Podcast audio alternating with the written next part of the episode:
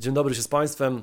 Ten odcinek może być w sumie najdłuższym ze wszystkich, jakie, jakie do tej pory nagrałem, ale jest sporo kwestii, które, które chcę poruszyć, sporo rzeczy, które też chciałbym już zamknąć, e, wyjaśnić, więc, więc no z góry sorry, jeśli, jeśli wyjdzie to, to naprawdę e, no długo, no jeżeli będzie to po prostu długi epizod. No więc na początku przepraszam e, i mówię to, mówię to tutaj oficjalnie, szczególnie jeśli chodzi o ludzi, którzy, którzy obserwują mnie na Instagramie, E, ostatnie kilka dni moje, moje story, które się pojawiały, były mocno krytyczne mm, i, i negatywne. E, chciałbym też wyjaśnić, dlaczego, dlaczego tak to po prostu wyglądało, bo, bo to było po prostu spiętrzenie kilku, kilku rzeczy e, i też są takie sprawy trochę, o których ja nie wspominałem wcześniej, nie wypisywałem tego jakoś nigdzie, a, a które też mają wpływ i mogą, mogą mieć wpływ na postrzeganie całej rzeczy. A więc dlaczego, dlaczego w ogóle byłem w takiej energii i, i skąd się wzięły te, te wszystkie właśnie no mocno krytyczne, umówmy się, e, jakieś tam snapy, slajdy, wiadomości. Dlatego, że w ostatnich dniach po prostu działo się dużo. E, wiele osób utknęło w różnych miejscach na świecie, bo zamykają się granice, państwa nakładają coraz nowe restrykcje na, e, na wiele miejsc. I dostałem po prostu po oczach takim przejawem takiego trochę kręcenia dramy pod zasięgi. I ja wiem, że jestem trochę Don Quixotem, jeśli chodzi o, o ten świat internetowy i że jakby bije się z wiatrakami. Ale jednocześnie wiesz, to jest trochę tak jak masz, jak masz wysypkę i każą ci się nie drapać, a jednocześnie co jakiś czas i tak gdzieś tam się zadrapiesz, bo nie możesz wytrzymać i tak samo jest trochę ze mną, jeśli chodzi właśnie o, o, pewne, o pewne po prostu treści, które pojawiały się ostatnimi czasy w sieci. E, jeżeli ktoś w rozmowie ze mną e, mu nazywa się propodróżnikiem i jest w stosunku do mnie arogancki, kiedy ja po prostu e, mam normalną wymianę zdań z tą osobą i tam padają różne dziwne teksty w moim, w moim kierunku. I kiedy ja tą samą osobę widzę kilka tygodni później, kiedy kiedy jako jedna z pierwszych ładuje się na, na tą akcję ratunkową, czyli lot do domu, e, po czym kręci jeszcze kolejne kilkanaście drama stories na zasadzie, że o 40 godzin do domu, najgorsza podróż w moim życiu, w ogóle super ciężko, e, podróżuję, podróżuję od 7 lat, ale to jest super ciężki powrót i w ogóle. Ja nie umiem stać obok tego cicho. Dlaczego? Dlatego, że widzisz, ja uważam, że arogancja jest bardzo ważna, znaczy może nie bardzo ważna, ale że jest przydatna jeżeli użyjesz, w niektórych miejscach w życiu musisz być arogancki, żeby przepchnąć swoje pomysły, żeby, mm, żeby gdzieś tam jakieś różne idee swoje mm, móc przepchnąć przez pewne e, towarzystwa, czy przez towarzystwo pewnych ludzi, musisz być czasami arogancki. Tylko kiedy jesteś, to musisz mieć zestaw umiejętności, żeby to potwierdzić. Więc jeżeli nazywasz się tak, jak się, że nazywasz się pro, a później wykręcasz turbodramę znikąd. Bo widzisz, jestem też w wielu grupach podróżniczych, no, wiem, obserwuję też wiele różnych, różnych yy, profili, jeśli chodzi o, o social media. Yy, uważam, że obowiązkiem teraz podróżników w tym czasie właśnie, takim gorącym czasie, jest to, aby dawać jak najwięcej spokoju, yy, dlatego, że dla nas taka sytuacja, jaka teraz zapadła, to to nie jest nic nowego. Kiedy podróżujesz w większym wymiarze czasu, a jeszcze jedno. Definicja podróżnika, bo tu też przeczytałem y, niedawno taki jeden komentarz, że y, no, bo ludzie myślą, że jak wykupią sobie bilet poza biurem podróży, to że od razu są podróżnikami wielkimi. No to teraz właśnie ta sytuacja, która się dzieje, bardzo mocno weryfikuje, kto jest, a kto nie jest. Y, dlatego, że dla ludzi, którzy podróżowali przez jakiś czas, czy robią to już od jakiegoś czasu. Tak jak mówię, ta sytuacja to nie jest, to nie jest rzecz, która, e, no nie wiem, która jakby wprowadzi jakąś panikę. Wiesz, kiedy jesteś długo w drodze, zdarzy ci się przegapić jakiś transport, zdarzy ci się, że gdzieś ktoś cię oszuka, zdarzy ci się, że gdzieś zamkną ci jakieś przejście, czy będziesz musiał po prostu czy odwołać jakiś lot, czy czy nie wiem, ktoś podać jakieś złe wskazówki, wylądujesz na jakimś złym przystanku, e, czy gdzieś utkniesz na jakiś czas, to jest normalne. My mamy to doświadczenie i ten zestaw umiejętności, który w aktualnej sytuacji no jest jakby dla nas idealny, aby dawać spokój innym osobom, aby gdzieś tam wykorzystując właśnie te duże zasięgi, te, e, to, że gdzieś tam jesteśmy widzialni w tej przestrzeni internetowej, że możemy po prostu właśnie dać trochę spokoju, że możemy wejść i powiedzieć, słuchajcie, wszystko da się ogarnąć e, na spokojnie, jeżeli ktoś potrzebuje pomocy, może się do nas zgłosić, jada, jada, jada. A niestety te, ten, pęd do zasięgów, do lajków, do tego, aby, aby to było jak najbardziej rozdmuchiwane, aby dodać większej dramaturgii temu wszystkiemu, bo to się sprzedaje zawsze, jakby przesuwa się u niektórych w ogóle w drugą stronę. Ja nie jestem w stanie tego zrozumieć i jakby mówię, no nie jestem też w stanie przejść obok tego tak do końca obojętnie Dlatego, że samemu dostałem sporo wiadomości. E, wielu ludzi, którzy obserwują mnie, po prostu pisało do mnie: Słuchaj, jest lot do domu, możesz z tego skorzystać, możesz wrócić e, i tak dalej. Ja wyszedłem z założenia, że to nie jest dla mnie.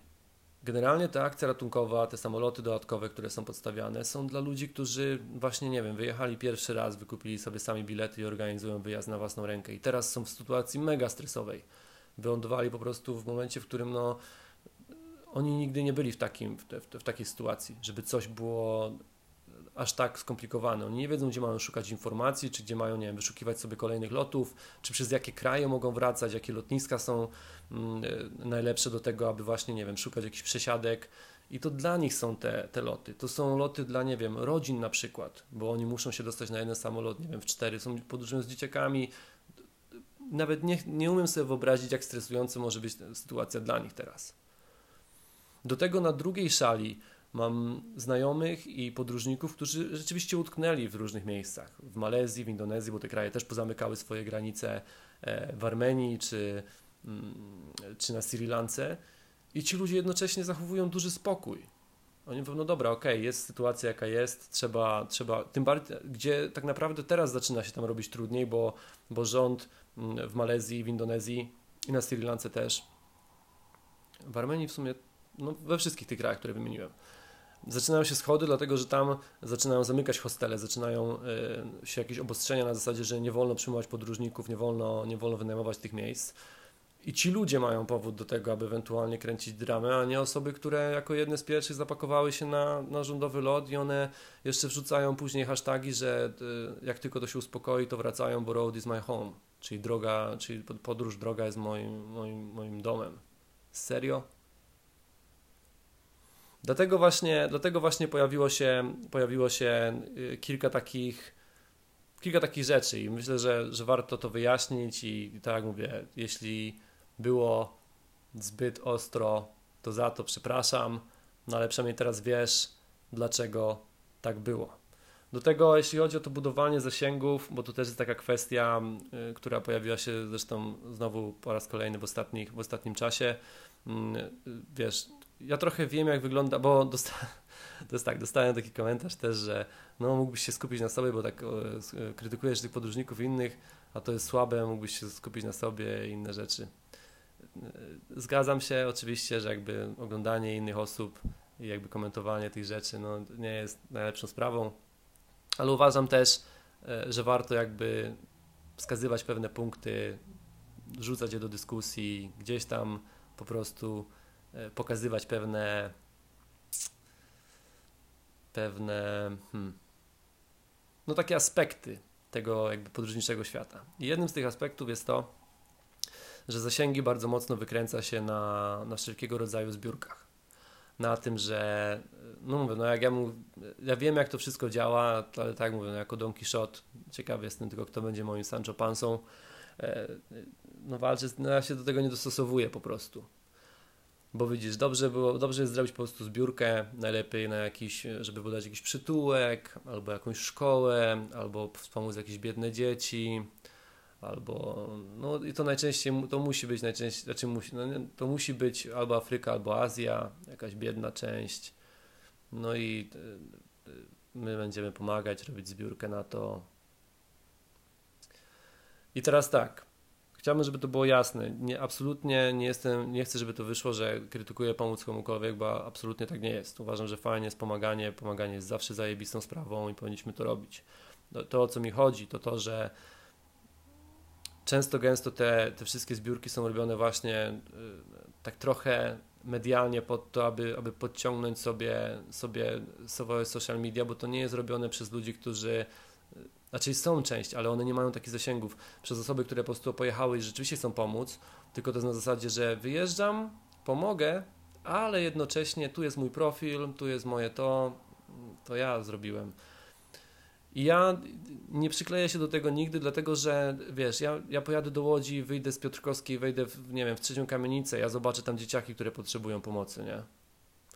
Ja pogadam z moim ziomkiem, który pracuje w, w domu dziecka, jest opiekunem, on mi powie kilka historii, ja wiem, że tam potrzebna jest pomoc. I może zabrzmieć to trochę e, jakby dziwnie, bo wiesz dobrze, że mam y, taką mocną postawę wobec, wobec Polski, do tego zaraz też wrócę, a jednocześnie jakby odznaczam się takim trochę może lokalnym patriotyzmem, ale uważam, że jeszcze sporo rzeczy jest u nas do naprawy. Jeszcze sporo rzeczy jest, jest które można poprawić u nas i takie wyciąganie środków gdzieś tam na drugi koniec świata kończy się tym, że to jest taka trochę słomiana pomoc. Zaraz Ci powiem dlaczego. E, w Brunei, kiedy, kiedy nocowałem w hostelu, poznałem takiego Szwajcara mieliśmy właśnie dokładnie tą samą rozmowę odnośnie tych zbiórek, pomocy i całej reszty. I on tu ma, opowiedział mi historię, całkiem zresztą, która wydarzyła się niedawno. Rozmawiał z takim żołnierzem ze Szwajcarii, który był na, na misji tam nie wiem, z, z, UN, z United Nations, czy, czy, z, jakiegoś, z jakiejś tej organizacji po prostu. Był na misji w Afryce, no i oni w ramach tam jakiejś misji oczyszczali po prostu gościowi pole. Tam z kamieni, z różnych gratów, z drzew, innych rzeczy. No wyczyścili mu to pole jako, jako żołnierze, przychodzą do niego i mówią, no słuchaj, no teraz już wyczyściliśmy ci tutaj wszystko, możesz zacząć działać. On mówi, ale co działać? Mówi, no możesz zacząć uprawiać ziemię. No mówi, ale, ale po co? No mówię, no żebyś mógł zbierać plony i mógł tutaj sadzić własne owoce, warzywa, no różne rzeczy. On mówi, ale, ale po co mam to robić? Tutaj dwa razy albo raz w tygodniu przylatuje helikopter i przywozi wszystko.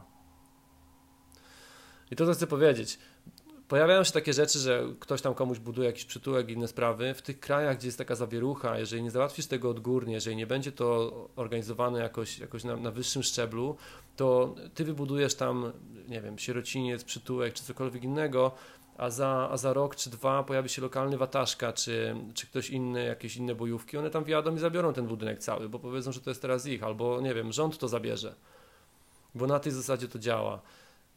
Na świecie, jak będziesz dawał ludziom ryby, to możesz to robić w nieskończoność, a, a, a nie naprawisz tego. Musisz, musisz edukować ich i dawać im wędkę. Ja rozumiem pomoc. Tak samo znowu, wystarczy, że pojawisz się w Indiach, przejdziesz kilkoma ulicami, tych większych, tam, tam gdzie są jakieś slumsy i inne sprawy, porozmawiasz trochę z tymi ludźmi i dowiesz się, że jakby taka pomoc no, to tak mówię, taka słomiana sprawa, bo u nich na przykład mówisz im, słuchaj, czemu ty sobie robisz kolejne dzieci, jak widzisz, że jest bieda, one mieszkają w slumsach i inne sprawy, a one, oni ci powiedzą, że no ale spoko, bo to dziecko w drugim, w kolejnym życiu będzie bogate. Ono teraz musi przejść przez biedę, bo tak jest, tak, taką mają po prostu wiarę, w takie rzeczy wierzą, że on w reinkarnację i on, on się odrodzi w bogatszym, będzie bogaty później w przyszłym życiu. Oni nie widzą nic złego z tego, że po prostu rzucają jakieś tam dzieciaki w biedę. I ja wiem, że to bardzo mocno działa na wyobraźnię i tak jak mówię, można przy okazji tego budować jakąś, jakieś swoje zasięgi inne rzeczy. I może rzeczywiście ci ludzie chcą pomagać, czy na pewno chcą pomagać, jakieś robić dobre sprawy, ale, ale tak jak mówię, no, wydaje mi się, że powinno być to organizowane na trochę innym szczeblu po prostu. Na ten kształt tego wszystkiego bo mówię, tak, tak, tak możemy, możemy robić to cały czas i to, i to, i to, się, to się zmieni może na, na jakąś chwilę, na jakiś moment u kogoś, ale jednocześnie za jakiś czas będzie taki sam bałagan, jaki był. Dlatego, dlatego mówię, no ja się to nie bawię. Wracając jeszcze do tej krytycznej postawy, jeśli chodzi o, e, o naszą, o nasz kraj, o, o Polskę. To jest tak, bo też ja dzisiaj rozmowę ze znajomą i ona mówi, no tak sobie narzekamy. Ja mówię, to, to nie jest narzekanie. Ja nie, ja, dla mnie narzekanie kojarzy się z tym, jak na przykład siedzisz sobie teraz na kwarantannie w ciepłym domu, e, generalnie masz jedzenie, masz e, wszelkie media, masz internet i siedzisz i narzekasz na zasadzie, no jak ja cierpię, jak jest ciężko. To, to, jest, to, jest, to jest takie nic nie, znaczy nieuzasadnione, w zasadzie, że nie ma, nie ma tego współczynnika, który rzeczywiście byłby taki jakby tragiczny. Kiedy mówię na przykład e, ostatnio, że e, daliśmy ciała na lotniskach, e, bo nie było kontroli, to mówię na podstawie tego, że przejeżdżałem przez cztery inne kraje po drugim, na drugim końcu świata i tam te kontrole, pomiary temperatury były. Były nawet w takim małym Timorze Wschodnim. Więc mówię to na przykład i, i podaję to po prostu jako błąd, który możemy naprawić. Ja, ja nie, nie podaję tego, że o zobacz, zobacz, zobacz jakie, zobacz, jakie to jest lipa. Nie, nie to, nie, to nie jest w ogóle w tym tonie. Tak samo kiedy mówię e, o tym, że nie mamy swojego dyskontu spożywczego i to może być problem w przyszłości, jeżeli pojawią się jakieś większe problemy, jakieś większe blokady, bo teraz zaczynają się powoli zamykać e, sieci transportowe i, i produkcyjne przez to, że znowu powstają coraz większe mm, restrykcje, e, to ja nie mówię tego na zasadzie E, właśnie, żeby tylko sobie powyzywać, tylko mówię, że ok, możemy coś poprawić, wiesz, pokazujesz po prostu rzeczy, które można poprawić, które, nad którymi można popracować, bo dla mnie Polska jest niebezpiecznie blisko e, takiego jakby tego samego nurtu, którym, jest, którym idzie Kambodża, czyli tam jest pół państwa już wykupione, zachodnie koncerny po prostu decydują o coraz większej ilości rzeczy, a, a są biedni, bo nic nie mają i, i nic nie produkują, oni sami nic z tego, im spadają tylko resztki ze stołu. I wiesz, cały czas nie mogę wyjść z podziwu z tego, że mamy najtańszą sieć generalnie y, jakby logistyczną, bo wszystkie, znaczy może nie wszystkie, ale większość krajów europejskich korzysta z usług y, tutaj polskich firm transportowych, czyli jesteśmy relatywnie najtańszym, najtańszym y, tutaj właśnie mamy tą, tą opcję transportową. Mamy najbardziej produktywny, jesteśmy jednym z najbardziej produktywnych nacji w Europie. Wypracowujemy masę, a jednocześnie sami nic z tego nie mamy, bo cały czas pracujemy na kogoś.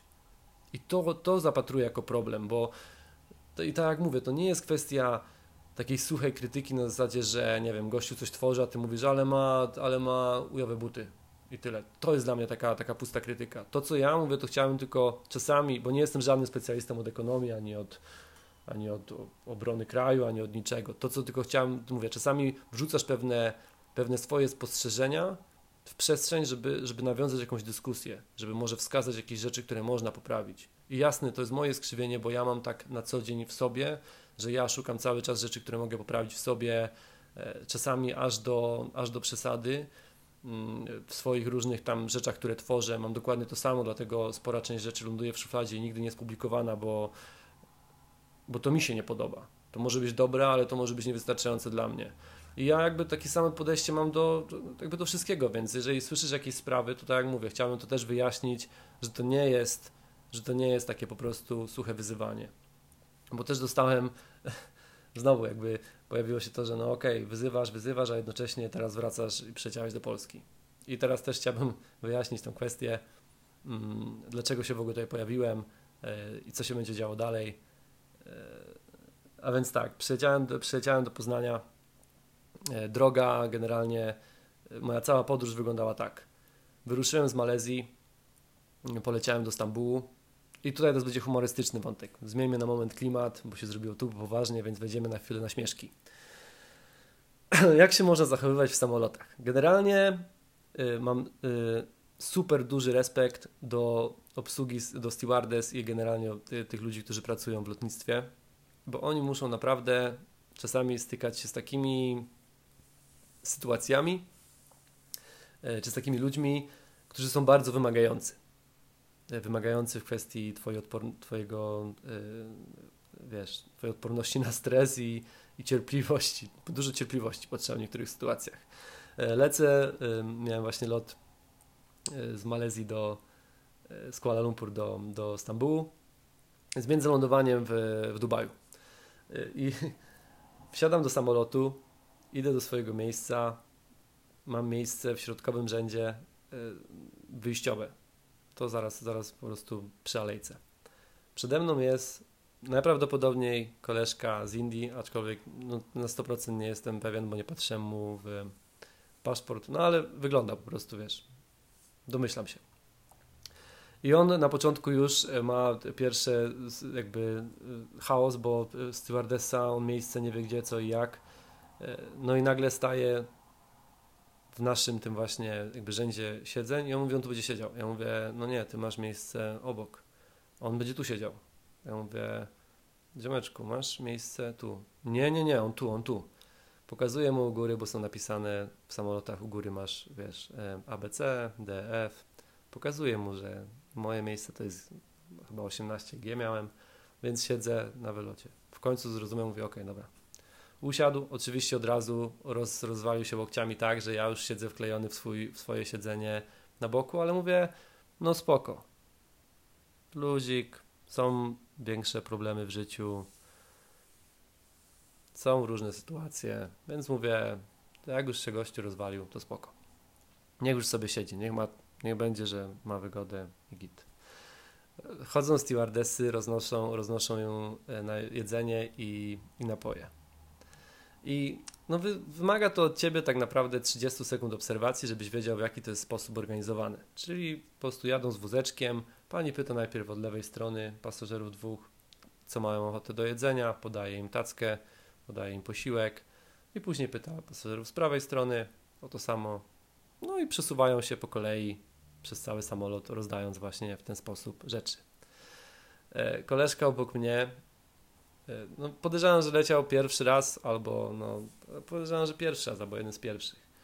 E, I jakby znowu nie chcę, żeby to wyszło, że się teraz nabijam z kogokolwiek, tylko chodzi mi o to, że jeżeli jesteś gdzieś pierwszy raz, to po prostu, tak mówię, no obserwuj, i tak ze spokojem, żeby podchodzić do tego. Najgorzej, kiedy jesteś gdzieś pierwszy raz, a jednocześnie zachowujesz się nieładnie.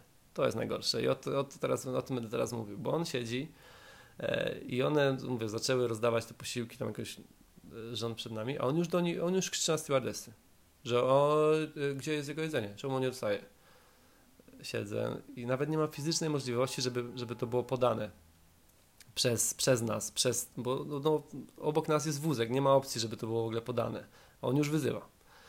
Mówię, no spoko. Podała, dojechali, dojechały stewardessy, one, one go uspokajają, dojechały, rozdały mu to jedzenie, spoko, siedzimy, zjedliśmy, a jeszcze, a, idą napoje.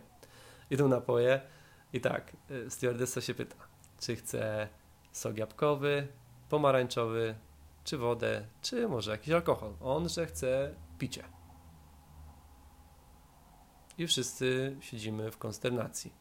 Ona pyta go ponownie o to samo, a on, że chce picie. Na zasadzie, wiesz, ona pyta, żeby to było, bo to też tak, jak to mówię, jak to po, od razu mówię to po polsku, to może to nie brzmieć tak, tak wymownie, ale chodzi o to, że ona pyta e, apple juice, orange juice, water, any, any drinks? I on mówi drink, I want drink. I tyle, nie? E, any Spirits, tam było wcześniej. A on mówi, e, drink. I, I tyle, i wyjaśnia. I, on, i ona pyta, no okej, okay, dobrze, to pomarańczowy? On mówi pomarańczowy. Ona mu podaje i on, on trzy razy zmienia, ona w czasie, kiedy ona sięga po kubeczek, on trzy razy zmienia swoje zdanie. Mówi apple, no orange, no apple. I siedzimy dalej, potem jedzie ta sama opcja jest, później dostajesz herbatę albo kawę. Ten, ta sama sytuacja. One są jeszcze dwa rzędy przed nami, on już krzyczy na nie, że mają mu dać inne rzeczy. E, podjeżdżają, ja mówię, że poproszę, poproszę kawę. E, on mówi, w ogóle właśnie to jest jeszcze ta opcja, używaj słowa proszę i dziękuję. To, to jest naprawdę fajna rzecz. Szczególnie, że ci ludzie też mają robotę, wiesz. To nie jest tak, że jak jesteś w samolocie, to, to masz prywatnego sługę, który biega i jest zadowolony z tego, że może, że może sprawić, aby twój lot był wyjątkowym doświadczeniem. Tylko no, to jest po prostu osoba w pracy, wiesz, to jest tak samo jakbyś był, nie wiem, pracowałbyś w jakimkolwiek innym miejscu. Dobrze jest po prostu być miłym. Więc no ja mówię, proszę, dziękuję. Koleżka obok mnie, e, tea. E, pani mu tam podaje, no coffee. No tea. I zmienia znowu trzy razy swoje zdanie. Do tego w momencie, w którym za każdym razem, jak już stwierdziłem, że ok, idę na drzemkę, zdrzemnę się, zamknęło mi się oko na 15 minut, gościu mnie puka, bo on musi wyjść więc miałem taki, taki długi przelot. Taki długi przelot, tam jeszcze było no, pewnie jeszcze ze dwie takie sytuacje też zabawne, gdzie on tam jakieś robił, robił jakieś dziwne, dziwne rzeczy. E, no i tak doleciałem do Stambułu. W Stambule turbo zimno. W Stambule było, znaczy turbo zimno, po prostu 7 stopni, 7-8 stopni, do tego to wszystko jest podłożone, położone na, na wybrzeżu, nad wodą, więc, więc masz zimny wiatr, zimną bryzę cały czas. więc zwiedzanie tego, tego Stambułu tak średnio, tak średnio mi pasowało, średnio też tam, tam się cokolwiek udało. Hostel, hostel też był zabawny, był w piwnicy. E, hostel był po prostu w piwnicy, 8, 8 e, znaczy 4 podwó, po, takie dwuosobowe, czy te, piętro, zapominam słów, piętrowe łóżka, 4 piętrowe łóżka były. Mm, no i w momencie podejrzewam, że gdyby tam wybuchł pożar, no to po prostu jesteśmy jak te pieczone ziemniaczki w ognisku no i tyle. No ale, ale funkcjonowało to, jak ktoś to, ktoś to dopuścił do użytkowania, no i tak sobie działa, działa interes. Za 6 dolarów miałem łóżko. E, tam zabawna historia była taka, że poznałem e, Muhameda, który nie mówił ani słowa po angielsku.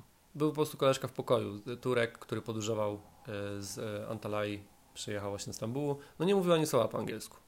Ale było tyle taki pocieszny i zabawny, że odpalił sobie na telefonie translator i y, mówił do niego po turecku, a translator do mnie, ten googlowy, mówił po polsku.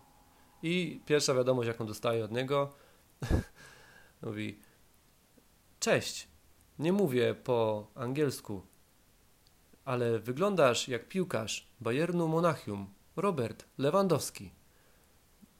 I to, I to było po prostu mega zabawne. No, rozbroiła mnie ta sytuacja. Nie? Koleżka w ogóle 41 lat taki pocieszny, ale, ale turbo, no przemiły koleżka, przemiły gościu. E, dzielił się ze mną wszystkim, co miał w pokoju, e, dzielił, w sensie przynosił mi cały czas jakieś rzeczy. No, a to mi dał batonika, a to mi do pomarańcza i tak wiesz, na, na zasadzie, że daję ci, ale nie możesz odmówić. Ja mówię, nie, nie, dziękuję. E, weź. Mówi, e, tu masz, jemy, jemy, oby, wiesz, no turbo przemiły gościu, naprawdę, naprawdę fajna sprawa. Także takie sytuacje też się zdarzają. Możesz nie mówić w czymś języku, a jednocześnie, bo na tym translatorze sobie porozmawialiśmy troszkę. No niewiele, bo niewiele, ale troszkę sobie porozmawialiśmy i, i było zabawnie. Też zabawnie, kiedy taki, mechan, taki wiesz, elektroniczny głos prowadzić konwersację. To też jest, to też jest śmieszna, śmieszna sprawa.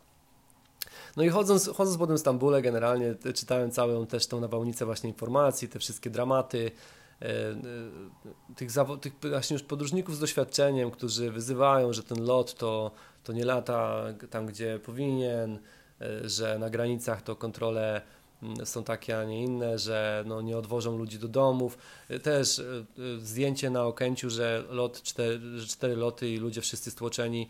Wyjaśniam, bo to może rzeczywiście część osób nie wiedzieć.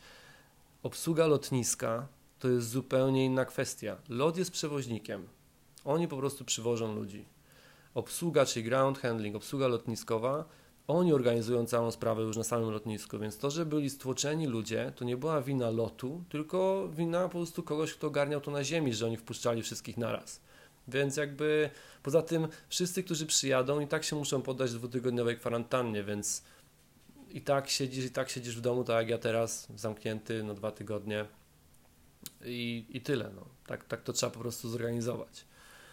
E, no i czytam te wszystkie właśnie rzeczy, wiesz, tą całą taką właśnie, tą negatywną energię, gdzie ja tego samego dnia bukuję lot do Berlina za 120 dolarów e, na, na dzień później i jakby no już ogarniam sobie całą, cały tutaj przejazd, który mam mieć z powrotem i nie mam z tym żadnego problemu. I teraz znowu, no ja wiem, że ktoś powie, no ale inni mogą tego ogarniać. No ja rozumiem, ale wiesz, to są ludzie, którzy bardzo często wrzucają różne, różne sprawy, promują swoje blogi, promują swoje, swoje te wszystkie rzeczy, więc no tak jak mówię, no to, to wymaga teraz, teraz wymaga to spokoju jak najwięcej, a nie tego, żeby po prostu tylko krytykować, bo uważam, że akurat Polska w kwestii walki z tym wirusem, z tym całą korona, z tą całą epidemią zachowała się naprawdę dobrze jak, jak mówię, jak możemy się do wielu rzeczy przyczepić i, i rząd jest jaki jest i, i, różne rzeczy są czasami bardzo źle ogarniane, tak ta kwestia akurat była mega dobrze rozwiązana. Zamknięcie granic, ogarnięcie właśnie tego wszystkiego, to, to, są, to, to były dobre decyzje. To pokazuje, jak udało nam się spowolnić całą, całą tą właśnie rozszerzanie, mm, rozszerzanie tego, tego całego mm, no tej, tej epidemii po prostu.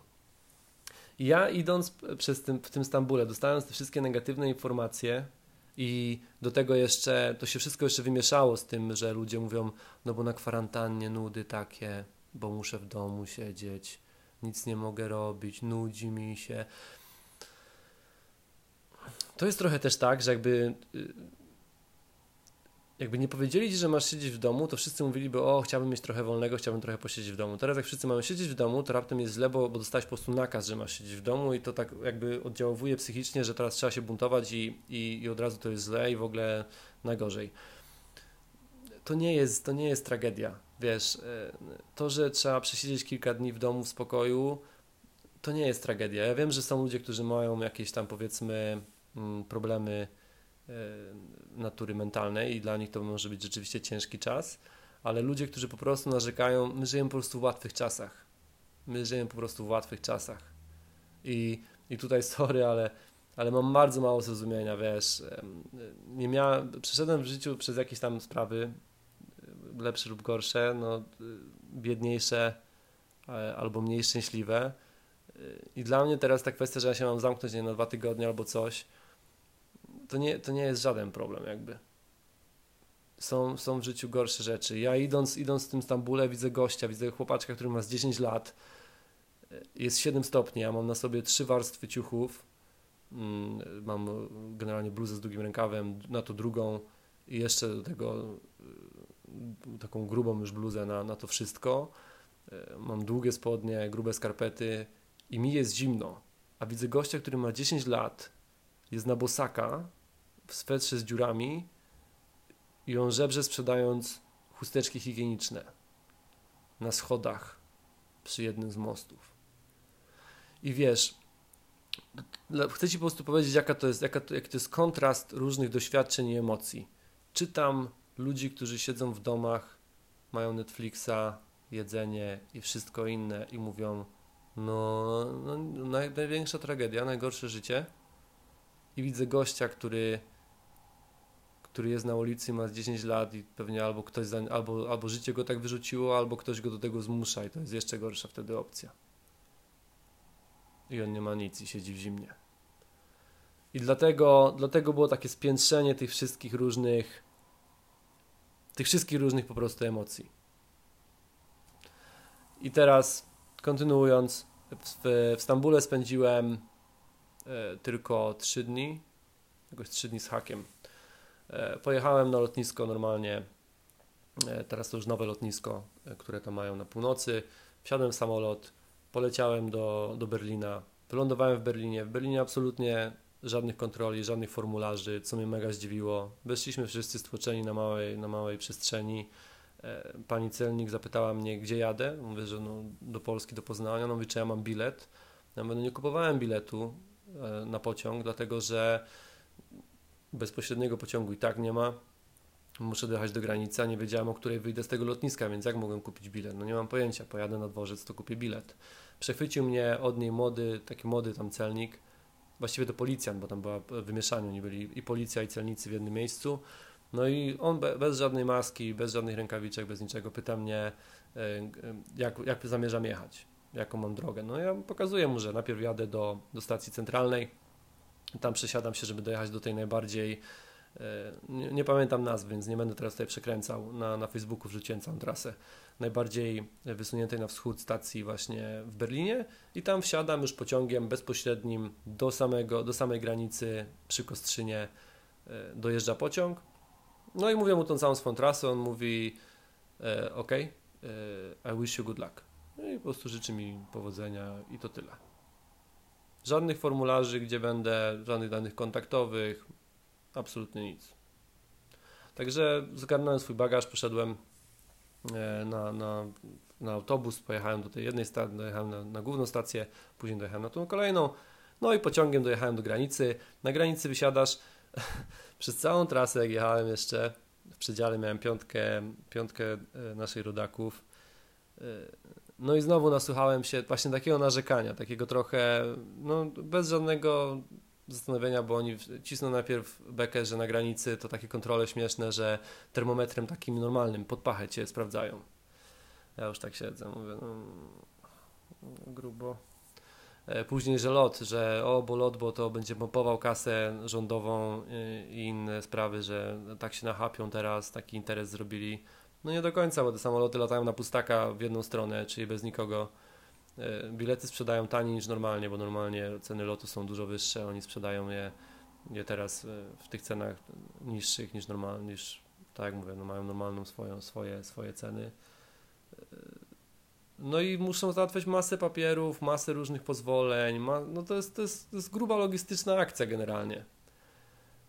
A tutaj jest, że pompowanie kasy, a jednocześnie to jest takie tak, pompowanie kasy, a jednocześnie wszyscy najchętniej to by sobie właśnie wrócili, wrócili tym lotem do domu, nie? No ale wracając, dosłuchałem, miałem, miałem tą wesołą podróż tych, tych różnych właśnie, różnych, różnych wniosków.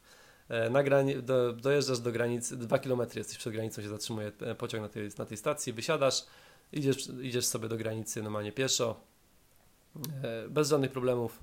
Na granicy kontrola, pomiar temperatury 36,4, zimny gościu ze mnie. I oczywiście wypełnianie wniosku, gdzie będę, pouczenie, że kwarantanna, że trzeba grzecznie siedzieć, nie szaleć, nie robić żadnych rzeczy.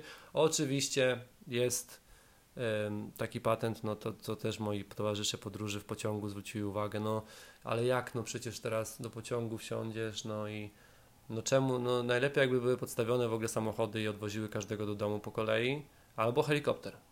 Jakby był helikopter, to byłoby najlepiej. I tak, żeby wylądował na trawnikiem przed domu, jeszcze, jeszcze żeby ci dali zapasy na dwa tygodnie, to wtedy byłoby dobrze. Jakby nie jestem fanem tego rządu, absolutnie E, i tego, co się dzieje. Ale uważam, że w, takim, w, ty, w tym momencie w, i w takich wyjątkowych czasach działają sprawnie i dobrze. Oczywiście popełnia się błędy, oczywiście dzieją się mniejsze lub gorsze rzeczy, ale no te błędy będą, bo to jest nowa sytuacja. Nie mierzyliśmy się z takim czymś wcześniej, nie było takiego, nie było e, takiego stanu, jak jest teraz, więc trzeba, trzeba czasami improwizować. Na granicy, tak, mówię, dostałem pouczenie, poszedłem na dworzec, Kupiłem sobie bilet. Sporo jest teraz połączeń zawieszonych, oczywiście, ze względu na to, że nie wolno podróżować. E, kupiłem najpierw bilet do Krzyża, znaczy kupiłem jeden bilet, ale miałem pociąg najpierw do Krzyża, tam przesiadka e, na Poznań i o 23 byłem w Poznaniu. Wyruszyłem o 7 rano, jako 7.30 chyba, e, a o 23.20 byłem, wylądowałem w Poznaniu. Teraz tak, dlaczego Polska? Bo też, też mnie o to zapytano. E, dlatego, że po prostu dostałem zaproszenie. Zaproszenie od, od mojego dobrego zioma Tomskiego, e, z którym mieszkałem już wcześniej w Anglii. E, mieszkałem na Islandii, więc znam, znamy się już 12 lat. I, i widząc, co to się teraz dzieje, widząc jaka jest sytuacja, on powiedział, że po prostu do niego wpadał, przesiedział ten, ten czas teraz, bo i tak miałem się pojawiać w Polsce na prelekcjach, i tak miałem się pojawiać tutaj na 2-3 tygodnie, objeżdżać kraj. Więc on mówi, wpada, jak się uspokoi, to zobaczymy, co będziemy dalej robić czy, czy wiesz, czy będziesz jeździł dookoła, czy po prostu wyruszysz gdzieś dalej, e, czy, czy jak będzie ogarniany temat. Dlatego, dlatego wróciłem tutaj po prostu e, i tak jak mówię, no to, że, to, że wypowiadam się czasami czy, czy wskazuję jakieś punkty, to tak mówię, nie dlatego, żeby, żeby krytykować. Nie chciałbym, żeby mi ktoś e, zabierał paszport z tego powodu, czy, czy na mnie wyzywał. No bo, no bo nie o to tutaj chodzi. E, I teraz co dalej? Jeszcze kończąc, kończąc już ten, już ten przydługi, przydługi podcast dzisiaj, chaotyczny też trochę. E, co dalej? E, nie mam pojęcia. Ta sytuacja, która jest aktualnie, no, nie ma żadnych, żadnych możliwości planowania czegokolwiek. Siedzę tak jak mówię na kwarantannie, bo teraz te mandaty wzrosły do 30 tysięcy. Zresztą ja nawet nie planowałem się nigdzie ruszać, no bo sytuacja jest poważna i mu tak jak powiedziałem wcześniej też na Instagramie, nie chciałbym być takim Y, pasywnym po prostu gdzieś tam nosicielem i roz, rozdawać to gdziekolwiek, więc siedzę, siedzę spokojnie tutaj.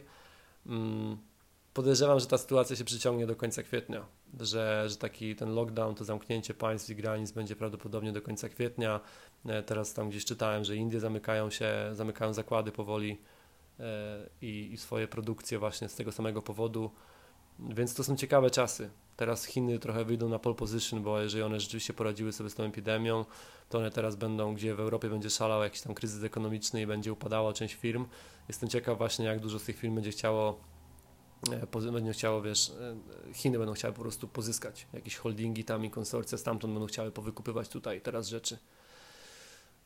Grube, grube sprawy się będą na pewno działy, mm, no, niezależne, niezależne od nas. Zobaczymy, jak to wszystko się będzie rozwijało. No i będę, będę układał plany względem tego, co się będzie działo. No. Na chwilę obecną nie mam absolutnie żadnego wpływu. Na, na sytuację, no i żadnych możliwości, nie możesz się nigdzie ruszać, więc jakiekolwiek aplikowanie gdziekolwiek o pracę, czy, czy w ogóle myślenie o jakiejkolwiek pracy na chwilę obecną, to jest takie pisanie palcem po wodzie.